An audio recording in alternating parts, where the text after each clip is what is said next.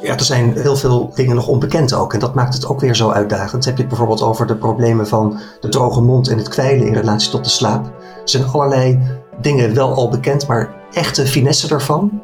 En of dat ook dan weer andere verbanden heeft met andere slaapstoornissen, daar weten we nog echt veel te weinig vanaf. Dus een enorme uitdaging. Je luistert naar NTVT Dentalk, de podcast van het Nederlands tijdschrift voor tandheelkunde. We gaan hier in gesprek met belangrijke experts, interessante onderzoekers en boeiende ervaringsdeskundigen. En misschien wel met jou. De presentatie is in handen van tandarts-epidemioloog en hoofdredacteur van het NTVT Casper Bots. Onlangs is de tandheelkunde verrijkt met een nieuwe lood aan de stam. Tandheelkundige slaapgeneeskunde. Dat is het onderwerp van deze NTVT Dentalk podcast. Deze podcast is onder bijzondere omstandigheden opgenomen. We zitten vandaag virtueel met elkaar om tafel en gaan in gesprek met professor Dr. Frank Lobbeso en dokter Rieslen Arab. Beide werkzaam op de sectie orofaciale pijn en dysfunctie van het ACTA. Eh, Frank, je bent uh, en hoogleraar orofaciale pijn en dysfunctie op ACTA. Ik begreep uh, laatst dat je na je promotieonderzoek in 1992, tijdens je postdoctoraal onderzoek aan de Universiteit van Montreal, al voor het eerst in aanraking kwam met de tandheelkundige slaapgeneeskunde. En dan met name de orale bewegingsstoornissen. Hoe was eigenlijk die periode daar in Canada voor jou? Ja, leuke vraag, Casper.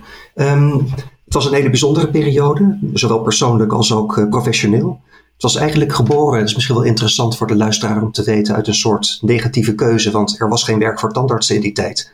Dat kunnen de jongere tandartsen zich waarschijnlijk niet voorstellen, maar er waren een paar duizend werkloze tandartsen. Dus ja, onderzoek doen was een soort vlucht in eerste instantie, maar het greep me. Dus vandaar die move naar Montreal. Daar hebben we drie jaar gezeten, mijn vrouw en ik. We hebben ook wat kinderen op de wereld gezet, maar vooral ook professioneel hebben we daar uh, flink uh, doorgewerkt. En daar werkte professor Gilles Lavigne. En die beschouw ik zelf als de godvader van de tandheelkundige slaapgeneeskunde. En hij heeft mij kennis laten maken met uh, slaapbruxisme vooral en ook met slaapapneu. Dus dat was heel bijzonder. Dus je stond eigenlijk eh, bij de wieg uh, van de slaapgeneeskunde, tandheelkundige slaapgeneeskunde, of niet? Ja, absoluut. Hij uh, is daar de grondlegger van, samen met een, het hoofd van het slaaplaboratorium daar, Jacques Montplaisir. En ik heb het genoegen gehad om de, de eerste stapjes mee te mogen maken. Dus uh, de inspiratie die ik daar heb opgedaan was uh, fenomenaal. Leuk, leuk om eh, te horen. En, maar je doet het niet alleen, want het onderzoek vanuit ACTA op het gebied van de tandheelkundige slaapgeneeskunde wordt ook voor een groot deel verzorgd door universitair hoofddocent en tandartsgenatoloog Dr. Rieslen Arab. Uh, in 2011 verdedigde je proefschrift over het effect van de mandibulaire repetitieapparaat bij obstructieve slaapapneu. En ik zag dat je in, in 2017 werd erkend als tandarts slaapgeneeskundige door de Nederlandse Vereniging van Tandheelkundige Slaapgeneeskunde, de NVTS. Ik begreep dat je uh, affiniteit met de tandheelkundige slaapgeneeskunde dus al langere tijd bestaat. Kan je mij vertellen uh, waar en wanneer eigenlijk de kiem werd gelegd voor je interesse op dit gebied? Nou ja, het begon eigenlijk in mijn laatste jaar uh, tandheelkunde. Ik wilde als keuzevak uh, orthodontie uh, kiezen. En toen had Frank mij al gescout in mijn vierde jaar en gevraagd of ik onderzoek wilde gaan doen.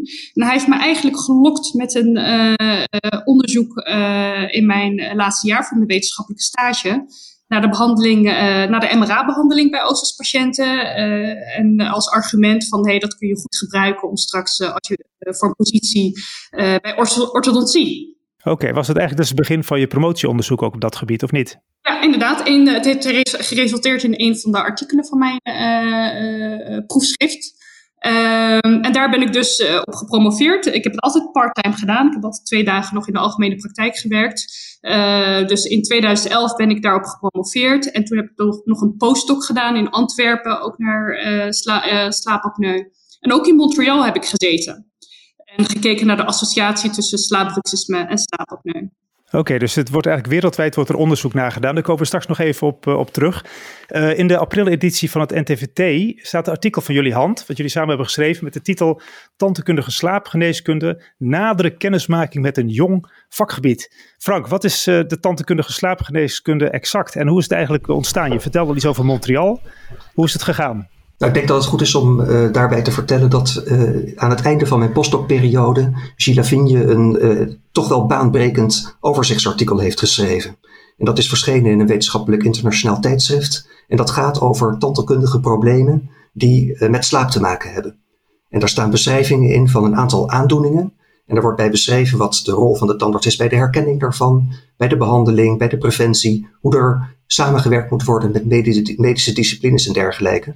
Een artikel uit 1999, dus dat is al uh, twee decennia geleden. Dus ergens in de jaren tussen uh, 95 uh, en 2000, toen zijn de eerste uh, dingen daarvoor in de verf gezet, als het ware. Ja, wel voor de, de tandheelkundige slaapgeneeskunde in deze breedte. Er was natuurlijk al veel langer aandacht voor de individuele aandoeningen, slaapapneu, slaapbruxisme. En ik kan ook nog noemen de pijn gerelateerd aan slaap, orofaciale pijn in dit geval. De refluxproblematiek, die ook het orale systeem raakt. En ook de droge mond en te veel aan speeksel, het kwijlen.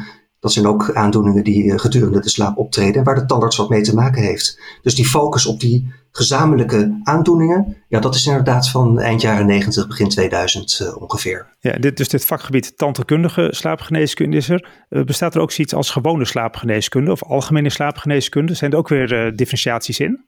Dus absoluut. Dus de, de slaapgeneeskunde is in algemeen een enorm groot vakgebied. De tandheelkundige slaapgeneeskunde wordt wereldwijd ook wel vertegenwoordigd door beroepsverenigingen. Dat zijn vaak relatief kleine groepen vergeleken bij de grotere broers die de slaapgeneeskundigen met elkaar verenigen.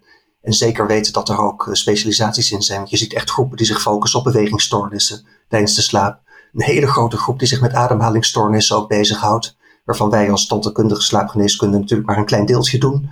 Uh, nee, absoluut. Groot, groot vakgebied. Ja, dus het vraagt ook om heel veel multidisciplinaire samenwerking, uh, denk ik. Ja. Dus op dat gebied uh, denk ik, ja, ben ik ook benieuwd van hoe, als je zo multidisciplinair moet samenwerken, hoe zijn dan de ontwikkelingen ook in Europa op dit, ge, op dit gebied? nou, wat je vooral ziet uh, op het gebied van OSAS, of we nou naar die tandheelkundige slaapgeneeskunde kijken, uh, wordt er zeer veel onderzoek gedaan. Uh, OSAS is echt booming, heeft ook veel gezondheidseffecten. Zoals? Kan je daar voorbeelden van geven? De problemen die gerelateerd zijn aan de slechte slaap, waar mensen overdag last van kunnen hebben, dat is slaperigheid overdag, vermoeidheid, maar denk ook aan concentratieproblemen, ziekteverzuim. Uh, uh, het wordt geassocieerd met uh, diabetes, uh, obesitas, cardiovasculaire aandoeningen, ja, allerlei ernstige consequenties tot soms tot de dood. dus OSAS is echt, is echt booming op dit moment op onderzoeksgebied. En waar op dit moment veel aandacht is, is, voor, is, is voor de fenotypering. Wat is dat? Eigenlijk is er onvoldoende bekend over de pathofysiologie van OSAS lijken verschillende factoren een rol te spelen in de pathofysiologie van OSAS, waaronder maar een klein deel verklaard kan worden door anatomische factoren, die de tandarts bijvoorbeeld zou kunnen herkennen, bijvoorbeeld een grote tong of een uh, uh, retrognatie. zijn er ook bijvoorbeeld factoren als ja, neuromusculaire factoren, dus de aansturing van de hoge luchtwegspieren kan verstoord zijn. Longvolume speelt, een, speelt een rol. Um, er zijn verschillende risk factors, waarvan ik ook net eentje heb genoemd. Dat is obesitas. Maar die patiënten lijken dus vrij verschillend als je ze in je stoel hebt als, als huisarts, maar ook als standaard. er kunnen patiënten zijn die, die jong zijn en slank zijn en die toch OSAS kunnen hebben. En men is dus eigenlijk op zoek naar ehm, ja, welke factoren spelen nou een rol in een specifieke patiënt. En als je die, als je die factoren kent, kun je namelijk veel beter uh, effectief therapie toepassen. En is dat ook zeg maar een speerpunt van jullie onderzoek om die factoren die dus een rol spelen, om die in kaart te brengen? Want je zegt eigenlijk dus, je kan niet 1, 2, 3 zien uh, of je te maken hebt met een OSAS-patiënt. Uh, dus we gaan kijken of we die factoren helderder kunnen krijgen. Klopt dat? Dat klopt, maar we zijn als standaards natuurlijk maar in staat maar een klein deel van die factoren te kunnen onderzoeken, waaronder de craniofasciale factoren. Omdat we daar natuurlijk gewoon de methode voor in huis hebben. Denk aan CBCT, denk aan uh, RSP's, denk aan lichtfoto's. Het zou toch mooi zijn als je de patiënten in je wachtkamer zou kunnen herkennen. Uh, dat die uh, OSAS uh, specifieke kenmerken hebben in hun gezicht. Dus daar is veel aandacht voor. Niet te vergeten de kinderen. Want OSAS ontwikkelt zich over het leven. dus wat gebeurt er nou eigenlijk vanuit kinderleeftijd tot volwassen leeftijd in die ontwikkeling? En gaat het dan, uh, Riesler, gaat dan eigenlijk om vroegdiagnostiek, uh, dat je al aan ziet komen dat in de adolescentie, dat je al kenmerken kan zien van patiënten die mogelijk later OSAS gaan ontwikkelen? Ja, zeker. Dat, uh, daar is, is men zeker naar op zoek. En dat is ook een van onze onderzoeksspeerpunten, waarin we in een orthodonciepopulatie meer dat soort factoren willen onderzoeken. Toen zo straks zei je dat de OSAS ook kan leiden tot uh, de dood. Daar schrok ik eigenlijk wel een beetje van. Wat kan je dat uitleggen, hoe dat werkt? Zijn er, is daar casuïstiek over bekend? Nou, um, OSAS uh, kan tot de dood leiden via de gevolgen van OSAS. Denk bijvoorbeeld aan slaperigheid overdag. Je zou bijvoorbeeld tijdens het autorijden in slaap kunnen vallen. Je kan ook bijvoorbeeld ehm, doodgaan aan ernstige cardiovasculaire gevolgen van OSAS. Je kan ehm, bijvoorbeeld bij het besturen uh, van uh, apparaten in de fabriek, uh, ja, zou je toch dat soort dodelijk gevolg kunnen leiden. Ja, dus eigenlijk zou je zeggen, alles begint bij een gezonde en goede slaap. zeg Frank, zijn er nooit niet ook nog andere ontwikkelingen in Europa en wereldwijd op dit gebied? Ja, absoluut. We hebben net natuurlijk van Ghislaine gehoord welke de ontwikkelingen er allemaal zijn op het gebied van de slaapapneu. Maar er gebeurt ook ongelooflijk veel op het gebied van het slaapbruxisme. Ik denk dat het wel leuk is om te vermelden dat bruxisme natuurlijk traditioneel gezien wordt als, laten we maar zeggen, de schurk van de tandheelkunde die alles kapot maakt wat ons standaard zijn patiënten lief is. Waar we eigenlijk niks aan kunnen doen. Dus zeggen we dat het een beetje buiten ons uh, invloedssferen ligt. Ja. ja. een beetje fatalistisch. Uh, er, er, breekt van alles af. En uh, ja, wat kun je eraan doen? Je kunt een plaat maken, maar daar voorkom je het dan misschien een beetje mee, maar ook niet helemaal. Je krijgt er pijn van. De gebit, gebitselementen slijten af. Maar er komt eigenlijk steeds meer bewijslast naar boven toe dat bruxisme niet altijd slecht voor je is. Oh, vertel, dat is interessant. Ja, dat vind ik zelf ook. Dat is echt een paradigma shift waar we het over hebben nu. Er zijn ook aanwijzingen dat uh, bepaalde gevolgen van bruxisme ook goed voor een mens zouden kunnen zijn. En eigenlijk is dat ook wel logisch, want er is volgens mij geen enkel gedrag, als je bruxisme als een gedrag beschouwt, geen enkel gedrag eh, wat een mens doet, wat alleen maar negatief is voor je. Dan zou het niet vruchtbaar zijn. Dus het goede nieuws, dat zou kunnen zijn bijvoorbeeld dat het meehelpt om de bovenste luchtweg te verstevigen waarbij je voorkomt dat die luchtweg samenklapt en je daardoor OSAS-momenten krijgt. Dat is een theorie die heel veel wordt onderzocht. Mhm, Verder wordt er, eh, en dat vind ik ook zelf een hele interessante, ook gespeculeerd over het feit dat kauwspieractiviteit ook heel goed is om de doorbloeding van de hersenen te stimuleren. Ja, is dat niet onderzoek exact. van ja, met Erik, Scherder werken we heel goed samen. Hij is natuurlijk de bewegingsgoeroe die dat altijd roept. En uh, ja, als het geldt, uh, geldt voor wandelen en voor fietsen, dan geldt het ook voor kauwen. Want kauwen is een activiteit die je gewoon heel veel doet stimuleert ook de hersenen, stimuleert de cognitie. En als het voor koude geldt, dan kun je daarvan uitgaan dat het voor bruxisme identito is. Dus dat is al een tweede mogelijk positieve gevolg. Oké, dus uh, samengevat zou je kunnen zeggen dat dus uh, OSAS en bruxisme, dat zijn twee, ook twee belangrijke speerpunten in dit gebied van de, uh, in deze discipline. Absoluut. En als we het nou hebben, ik begrijp dus eigenlijk dat een hele goede slaap, dat dat belangrijk is. Riesler, wat is eigenlijk goede slaap en wat is het effect van goede slaap op je gezondheid? Nou, we hebben in ieder geval goede slaap nodig om ons lichaam en geest te laten herstellen van de dag. En wat we ook doen gedurende de slaap is dat we alle indrukken die we gedurende de dag hebben opgedaan, uh, verwerken we tijdens onze slaap. Dus het is ook een verwerking uh, van, onze, ja, van allerlei indrukken overdag. Onze spieren komen tot rust. En niet te vergeten dat we tijdens onze slaap meer nieuwe cellen en afweerstoffen aanmaken. Dat klinkt een beetje als een gezondheidsslaapje, als je het zo zegt. Ja, zeker. Je moet zeker niet onderschatten uh, wat het belang is voor slaap uh, uh, voor de mens. Ik bedoel, zonder slaap ga je ook dood. Ik bedoel, dat is al, dat, dat is al bekend. Ja, terwijl ze eigenlijk vroeger zeiden, ik heb een tijdje bij Defensie gezeten, moest je gewoon de uren tellen. En als je dat dan maar bij elkaar optelde, dan had je op een gegeven moment voldoende slaap om weer, weer verder te kunnen. Maar dat is dus een beetje, dat is dus niet zo. Dat is niet helemaal uh, zo. Het is echt uh, uh, in meerdere onderzoeken aangetoond dat die slaap echt cruciaal is voor het functioneren van, ja, van ons, het lichaam en geest.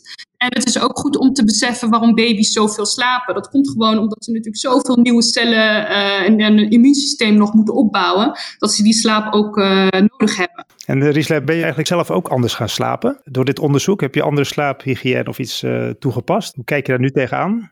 Ja, ik ben veel meer bewust met slaap bezig. Ik zorg er, zorg er in ieder geval voor dat ik voldoende slaap heb. Ik weet dat uh, verschilt per persoon hoeveel slaap je nodig hebt. Er zijn korte slapers, lange slapers. Ik weet ja. van mezelf dat dat ongeveer tussen de 7,5 en 8 uur uh, zit, helaas. Ja. Ik wou dat ik meer uren had uh, overdag om te werken.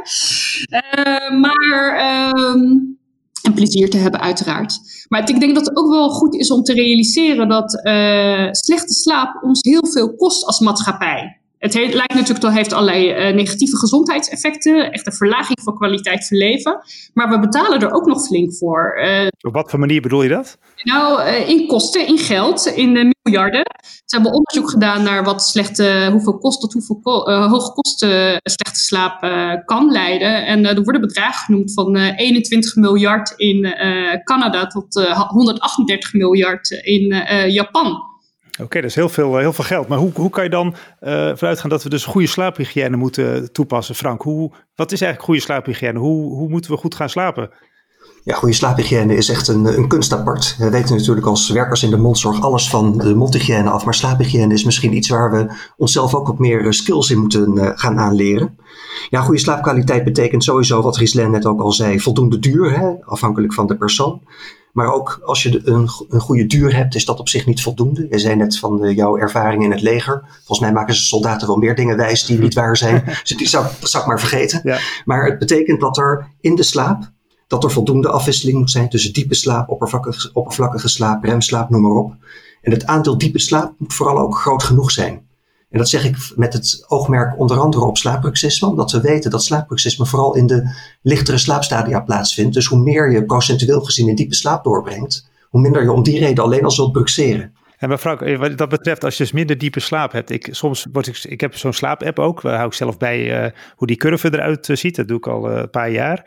En dan meestal als je wakker wordt, dan lig je natuurlijk, ik, enkele keer klem ik wel eens een beetje. Dat is inderdaad als ik wakker word. Is dat dan zo'n lichte slaap, zo'n licht slaapmoment, zou je dat kunnen zeggen? Ja, dat is meer een ontwaakmoment. Dat is ook wel deel, deel, van een gezonde slaap, is ook dat je regelmatig lichter gaat slapen. En soms zelfs helemaal wakker wordt. Dat is helemaal geen probleem. Je moet overigens ook net als je je, oh, je meerdere in het leger niet moet geloven, die slaapapps ook nog niet helemaal geloven Casper. Oké. maar nee, belangrijker is dat je die, die leefregels goed in acht neemt. En ik zal er een paar voorbeelden van noemen. Je moet dus een goed bed hebben, een donkere, goed geventileerde kamer, je moet ontspannen zijn als je gaat slapen. Dus niet meer topsport gaan bedrijven vlak voordat je uh, gaat slapen. Geen computerschermen meer bekijken. Hè? Dat blauwe mhm. licht dat die schermen afgeven. Dat is echt ook funest voor uh, een goede slaapkwaliteit. Ik las iets van twee uur voor die tijd of zo dat je daarmee moet stoppen? Oké. Ja, ja. Ja, hetzelfde geldt ook voor zware maaltijden. We zijn natuurlijk allemaal gewend om uh, vrij laat te eten, toch wel. Gelukkig niet zo laat als je in, uh, in Spanje wel eens meemaakt dat je op 11 uur pas aan tafel gaat. Maar toch, ja. en liever niet meer zware maaltijden s'avonds. Geen cafeïne na 7 uur s'avonds. En vergeet het vooral om alcohol als slaapmutsje te gebruiken. Dat is gewoon echt onzin. Je slaapt gewoon in een soort lichte coma als je al veel alcohol hebt gedronken. Dat is echt funest. Dan kom je dus eigenlijk niet in die hele diepe slaap. En dan is er dan een relatie tussen alcoholconsumptie en, uh, en bruxisme. Ja. Dat je zou zeggen dat je dan meer zou gaan uh, knarsen of iets. Ja, klopt precies. Hoe meer je drinkt, hoe meer je knarst. Het geldt ook voor roken, het geldt ook voor cafeïne. Er zitten allemaal een soort van bijna lineaire verbanden tussen. Oké. Dus als je al een echte knarser bent, ja, dan zul je toch als een soort geheelonthouder, een soort kloosterleven moeten gaan leiden. Maar als je dus een patiënt hebt eh, die uh, overmatig alcoholgebruik uh, heeft, dan zou je ook alert moeten zijn op knarsen. Absoluut, ja. Oké. Dat is echt iets, uh, dat benadrukt weer het feit van het belang van een hele goede anamnese. Ja, ik krijg spontaan zin in slaap als ik het zo, uh, zo hoor. Hoe lekker dat uh, is als je het zo beschrijft. als je die alcohol maar achterwege laat, dan vind ik het prima. ja, oké. Okay. Dat moet dan voor zeven uur s'avonds, moet ik zoveel mogelijk ja, consumeren. Ja, ja, begin nu zou ik zeggen. Ja. Dus als ik het goed begrijp, zijn er allerlei verschillende dingen die we kunnen zien in de mond die te maken hebben met slaapgerelateerde problemen. Uh, kan je ons even meenemen naar de praktijk? Je werkt zelf ook twee dagen in de praktijk. Hoe kan ik nou dit soort problemen herkennen? Waar moet ik op letten en wat speelt allemaal een rol? Uh, ja, voor de uh, obstructief slaapapneu uh, zou je als standaard, of eigenlijk alle zorgverleners in de tandhoek kunnen, een belangrijke rol spelen in de herkenning van obstructief slaapapneu-patiënten. zoals ik al eerder heb benoemd, zijn er verschillende craniofasciale karakteristieken die, die geassocieerd zijn met de OSAS, die als standaard goed intraoraal zou kunnen herkennen. Denk bijvoorbeeld aan een grote tong, denk bijvoorbeeld aan een aan een verkleinde uh, maxilla of mandibula. Denk bijvoorbeeld aan een lang uh, slap uh, uvula, die je als standaard in de mond zou kunnen zien. Daarnaast zou je een aantal sleutelvragen kunnen opnemen in je anamnese, waardoor je inzicht krijgt in de slaapkwaliteit van de patiënt. En wat zijn die sleutelvragen? Wat zou ik uh, kunnen doen? Uh, ja, wij zijn natuurlijk ook enorm benieuwd naar welke sleutelvragen wij de tandarts kunnen geven die opgenomen zouden kunnen worden bij zo'n PNO. Maar helaas is er nog onvoldoende onderzoek om die uh, sleutelvragen op dit moment uh, te kunnen geven.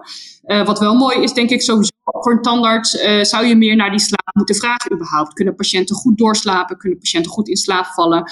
En worden ze niet te vaak wakker gedurende de slaap?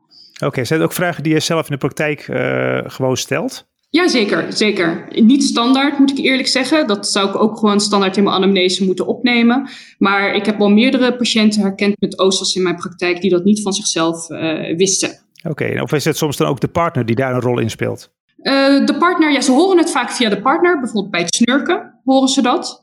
Uh, maar die partner is natuurlijk niet altijd bij bij zo'n PMO. Dus uh, je zal toch actief als standaard, als je daar zicht op wil krijgen, zou je daar toch actief naar moeten vragen. Dus, maar ja, we hebben natuurlijk wel goed onderzoek nodig om die vragen die van belang zijn goed in kaart te brengen. Daar zijn we ook mee bezig binnen onze sectie om dat in een onderzoek ja, te verzamelen, die gegevens. je zou bijvoorbeeld, dus de, die symptomen zou je kunnen herkennen. Een OSAS-patiënt die zou, als je geaccrediteerd bent, ook een mandibulaire repetitieapparaatbehandeling kunnen toepassen. Uh, bij zo'n OSAS-patiënt, de Nederlandse Vereniging voor Tandheelkundige Slaapgeneeskunde, biedt een accreditatiemogelijkheid uh, voor tandartsen die daar interesse in hebben. En vergeet ook niet dat ook een mandibulaire repetitieapparaat ook allerlei tandheelkundige bijwerkingen kan hebben. Ja, ik herinner me dat in de praktijk ook een patiënt die dat, uh, die dat had, die op een gegeven moment een uh, malocclusie kreeg. Ja, dat is, uh, dat is bekend. Uh, dat vindt uh, namelijk een, een retrusie van het en een protrusie van het onderfront plaats. Dus patiënten kunnen een disclusie krijgen in de zijdelijkse delen. Ze kunnen een kruisbeet in het front ontwikkelen. Over het algemeen zijn deze bijwerkingen mild van karakter. En vinden patiënten het ze niet ernstig genoeg. Maar ja, patiënt moet wel goede informed consent krijgen van tevoren. Want de patiënt moet natuurlijk wel mee akkoord gaan. Um, dat zijn eigenlijk de, die drie dingen. Dus je kunt een rol spelen in de herkenning. De geaccrediteerde tandarts kan ook een rol spelen in de behandeling daarvan. En kan ook, uh, de algemeen practicus kan ook uh, helpen in de counseling en de herkenning van de bijwerkingen van bijvoorbeeld een mandibulaire repetitieapparaat. Oké, okay, dat is inderdaad heel, heel duidelijk uh, uitgelegd zo. Als je uh, nou even kijkt nog naar die uh, malocclusie met zo'n uh, mandibulair repositieapparaat, trekt dat dan weer vanzelf bij? Of zijn mensen dan van de oosters af en moeten ze volgens naar de orthodontist? Je komt niet van die malocclusie af. Er is natuurlijk altijd wel wat, uh, als een MRA wordt uitgelaten, dus als niet meer als lang behandeling wordt gebruikt, dan krijg je natuurlijk altijd weer een beetje relapse, zoals uh, dat in de orthodontie ook uh, gebruikelijk is. Dus die tanden willen eigenlijk, zijn geneigd om een beetje terug te gaan naar hun oude positie. Maar je krijgt het natuurlijk nooit meer zo zoals het eerst was. Ik moet je wel zeggen dat de meeste patiënten hebben dus geen klachten van de malocclusie. Precies, dus die nemen dat voor lief en die zijn blij dat ze van hun slaapapneu af zijn. Inderdaad. En de mensen die, die er wel problemen mee hebben met een goede informed consent, die sluit je al uit. Want die zullen bepalen uiteindelijk dat ze die behandeling niet ondergaan. Precies, oké. En uh, Frank, uh, reflux speelt ook een hele belangrijke rol, dacht ik. Refluxklachten. Ja, refluxklachten, dat zijn klachten waar een tandarts uh, zeker qua herkenning ook het een en ander aan kan doen. Je kunt kijken in de mond naar zwellingen, naar roodheid van, de, van de keelholte, van de mondholte zelf. En dus natuurlijk het allerbekendste voorbeeld is de chemische gewichtslijtage die er optreedt als gevolg van refluxproblematiek, waardoor je erosie van de gewitselementen krijgt. En hoe vaak komt dat voor bij uh, patiënten? Dat komt veel vaker voor dan uh, we vroeger dachten. Dat is niet alleen maar dankzij de reflux overigens. Dat is ook ten gevolge van de zogenaamde extrinsieke erosieproblematiek. Door, als gevolg van het, het zure voedsel wat we in zijn algemeenheid gebruiken, zure dranken. Maar als je het alleen over de reflux alleen al hebt, ja, volgens mij heeft wel een kwart van de, uh, van de bevolking in ieder geval één keer per week last van een, uh, een refluxmoment. Dus dat is echt een groot probleem, wat we niet moeten veronachtzamen. Zeker ja. omdat reflux ook samenhangt met uh, slaapapneu bijvoorbeeld. Als die weefsels geïrriteerd raken en opzwellen, dan zul je zien dat er meer slaapapneuproblemen gaan optreden. Ja, dus dat versterkt elkaar eigenlijk. Ja, en dat geldt ook voor bruxisme. Heb je een reflux, dan ga je ook weer meer bruxeren. Omdat uh, dat bruxisme, dat is een, uh, ook nog een voorbeeld overigens van een positief gevolg. Die speekselklieren, met name de glandula parotis, mechanisch stimuleert om meer speeksel te produceren. Om de effecten van dat zuur weer te neutraliseren. Er zijn allerlei hele leuke crosslinks tussen die verschillende zogenaamde tandheelkundige slaapstoornissen. Dat maakt het vakgebied zo uitdagend. Er zijn nog andere dingen die, die in dit jonge vakgebied van belang zijn? Ja, er zijn heel veel dingen nog onbekend ook. En dat maakt het ook weer zo uitdagend. Heb je het bijvoorbeeld over de problemen van de droge mond en het kwijlen in relatie tot de slaap. We weten dat het optreedt. Maar we weten niet precies hoe vaak. Er is eigenlijk maar één epidemiologische studie gedaan, een hele kleine, begin jaren negentig. En daar moeten we het mee doen. Dan weten we wel dat het ongeveer tussen de 10 voor uh, het kwijlen en tot 40% van de droge mond voorkomt. Aan de slaap gerelateerd, maar heel veel meer weten we niet. We weten wel dat het veel als klacht wordt gerapporteerd in relatie tot bijvoorbeeld een, uh, een OSAS-behandeling. Heb je zo'n MRA in je mond, dan kun je het zij te veel speeksel, het zij te weinig speeksel hebben die pomp die mensen ook wel eens op hun gezicht krijgen, hè? die continuous positive airway pressure, die lucht naar binnen blaast om de luchtweg open te houden, gaat ook met droge mond klachten gepaard. Er zijn allerlei dingen wel al bekend, maar echte finesse ervan. En of dat ook dan weer andere verbanden heeft met andere slaapstoornissen, daar weten we nog echt veel te weinig vanaf. Dus een enorme uitdaging. Dus het is echt een, uh, een onontgonnen gebied, zou je kunnen zeggen. Ja, absoluut. Oké, ik kan me ook voorstellen dat het op een gegeven moment best ook consequenties heeft voor het opleiden van uh, tandartsen, ja. mondhygiënisten. Want we, ik sta er zelf niet zo heel snel bij stil. Het is dat we er nu natuurlijk over hebben. En ik kan me ook voorstellen mensen die naar deze podcast luisteren, dat die denken van hé, hey, wat moet ik daar nou mee doen? Kan je aangeven wat, ja, hoe dat in de toekomst uh, waarschijnlijk zal gaan veranderen? Worden er al initiatieven ondernomen op dat gebied? Zeker. We zijn op ACTA bezig om het huidige curriculum te herzien.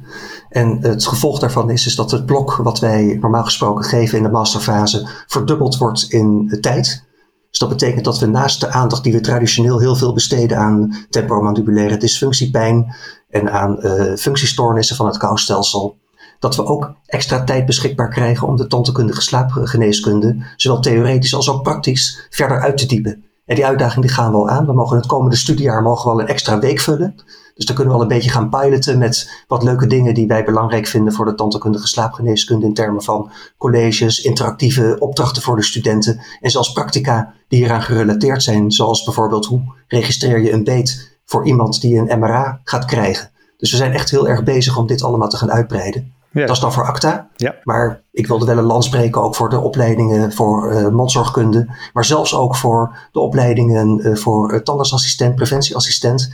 Mijns inziens moet iedereen in het tandheelkundig team in staat zijn om mee te helpen herkennen van slaapproblematiek. Ze hoeven natuurlijk niet de diagnose te stellen, daar heb ik het niet over, maar het, het mee herkennen van signalen, van dingen die de patiënt laat zien, zonder het zichzelf zelf bewust te zijn, is uitermate belangrijk. Ten meer omdat, nou ja, je hebt het gehoord van Islen, zeker die slaapapneu kan dodelijke afloop hebben. Dus laten we zorgen dat we met man en macht proberen dat te voorkomen. Ja, ik probeer toch nog even voor mezelf ook weer naar de praktijk te uh, vertalen. Dus als ik uh, een patiënt heb met bijvoorbeeld gebitsslijtage waar ik het niet helemaal uh, uit de anamnese kan halen of dat het vanuit de voeding komt, is dat dan zo'n patiënt dat ik denk, hé, hey, dat zou een slaapprobleem kunnen zijn? Ja, dan zou ik in dat geval zou ik een paar extra vragen stellen. Hè, bijvoorbeeld, weet je van jezelf of je snurkt? Weet je van jezelf of je, dat weet je sowieso, of je met hoofdpijn wakker wordt bijvoorbeeld, is ook zo'n bekend symptoom van uh, wat bij veel slaapapneu-patiënten voorkomt. Dus doorvragen, de goede richting uit, omdat die gedachte die je hebt, het zou een slaapprobleem kunnen zijn, te versterken. Zodra je denkt van, hmm, niet pluis, verwijzen naar een arts. Ja. Om te zorgen dat er een echte diagnose wordt gesteld. Want dat doen wij niet als standaardsen. Ja, dus wij kunnen signaleren, we zien symptomen uh, en gevolgen ervan. En dan uh, het achterhalen en dan doorsturen naar een arts. Als je nou uh, tot slot kijkt naar hoe vaak dit, dit, dit voorkomt, waar moeten we dan rekening mee houden? Hoeveel procent van de patiënten die we zien hebben zo'n soort gerelateerde klacht? Nou, het enige wat ik hier dan bij wil zeggen, maar daar moet Gislijn het denk ik even overnemen, is dat er heel veel mensen zeg maar buiten lopen die een niet gediagnosticeerde slaapapneu hebben. Dus dan, er is onderzoek gedaan in uh, Australië een aantal jaren geleden, waaruit bleek dat uh, zeker uh, 30% van de bevolking een niet gediagnosticeerde slaapapneu zou hebben. Nou, dat is natuurlijk een schrikbarend getal, ja. waar we echt wat mee moeten. En, en een groot deel van die mensen zal dus ook in de tandartspraktijk daar dingen van laten zien zonder het te weten. Ja. Kun je dat aanvullen? Ja, Casper, er heeft wel een groot onderzoek plaatsgevonden hier in Nederland, uh, gesponsord door Philips. Waarbij ze bij, bij hun eigen uh, medewerkers naar de prevalentie hebben gekeken van OSAS. En op basis van een slaaponderzoek, een polysomnografische registratie, wat wordt gezien als een uh, gouden standaard voor de diagnostiek bij OSAS. Waarbij slaap en ademhaling tijdens de slaap ja, wordt gemeten met behulp van elektrodes en een apparaatje. heeft men gevonden dat de prevalentie van slaapapneu, dat betekent vijf keer stoppen met ademhalen gedurende 10 seconden per uur van de slaap. Dat voorkwam bij 6% uh, van hun populatie. Maar als ik de Amerikaanse studies uh, mag geloven, of de uh, ja, wereldwijde studies, zijn die percentages vele malen hoger. Denk aan 40% van de middelbare leeftijdsgroep van de mannen bijvoorbeeld, met overgewicht, is een hoger risicogroep. En Frank die noemde net de Australische studie. Ik heb ook een andere studie waarbij wordt gezegd dat 80 tot 90 procent van de Oosterse populatie zonder diagnose rondloopt. Dus ik denk dat wij als uh, in de tandheelkundige zorg zeker een uh, significante bijdrage kunnen leveren aan de vroege herkenning van slaapapneu. Uh, zeker omdat we ook nog de jonge populatie zien. Dus we zien eigenlijk ja, de patiënten van twee jaar tot ja, hoge leeftijd zien we in onze praktijk. Dus ik denk dat wij echt een unieke positie hebben in de gezondheidszorg om deze groep vroeg te herkennen. Ja, ik ben, ik ben heel benieuwd hoe alles uh, zich al zal gaan ontwikkelen. En ik neem aan dat er veel onderzoek uh, nog uh, gestart gaat worden of al loopt. Wat, wat, tot slot, wat is de, zijn de onderzoekslijnen voor de komende tijd? Wat, wat heeft jullie speerpunt? Ja, het wordt een spannende jaren, Casper. we hebben heel veel onderzoek lopen op dit moment. we hebben ruim 30 promovendi op de afdeling. Dat is heel veel. Waarvan zeker twee derde op het gebied van de tandheelkundige slaapgeneeskunde zijn onderwerp heeft gevonden. Zo. En ja, waar gaat het dan om? Dan gaat het over de verschillende tandheelkundige slaapstoornissen, die eigenlijk net al uitgebreid aan bod geweest zijn. En dan kijken we naar het voorkomen ervan, dus de epidemiologie. We Mhm. proberen de diagnostiek van die aandoeningen te verbeteren, de behandeling ervan. En vooral ook te kijken naar de onderlinge samenhang. Onze droom is eigenlijk om op een gegeven moment te kunnen zeggen: iemand heeft een, een x aantal tandheelkundige slaapstoornissen, laten we zeggen drie. En we weten door de manier van samenhang goed te begrijpen, als we één van die aandoeningen behandelen, dat het hele kaarthuis instort en de patiënt daarmee geholpen is, zonder dat je alle drie die aandoeningen hoeft te behandelen. Dat is eigenlijk onze droom die we hebben. En dat doen we dan bij gezonde volwassenen, bij kinderen, bij adolescenten, ook bij ouderen. Ook met neurodegeneratieve aandoeningen als dementie, Parkinson, bij mensen met obesitas, posttraumatische stress. Nou ja, kan nog wel even doorgaan op die manier. Dus eigenlijk in de hele, in de hele breedte en in de diepte wordt er volledig ingezet, ook op uh, jullie afdeling, op dit, uh, dit onderwerp. Absoluut, ja. Mooi, we gaan daar zeker wat van merken in de algemene praktijk. Dat kan haast niet anders als jullie er zo druk mee bezig zijn. Dus uh, nou, we zien er naar uit. Ontzettend bedankt voor dit gesprek en nou, succes met alle werkzaamheden en ook het onderzoek. Graag gedaan. Dankjewel. Dit was NTVT Dentalk, de podcast van het Nederlands tijdschrift voor tandheelkunde. Heb je tips of leuke vragen voor ons? Laat het ons weten via redactie.ntvt.nl. Bedankt voor het luisteren en graag tot de volgende keer.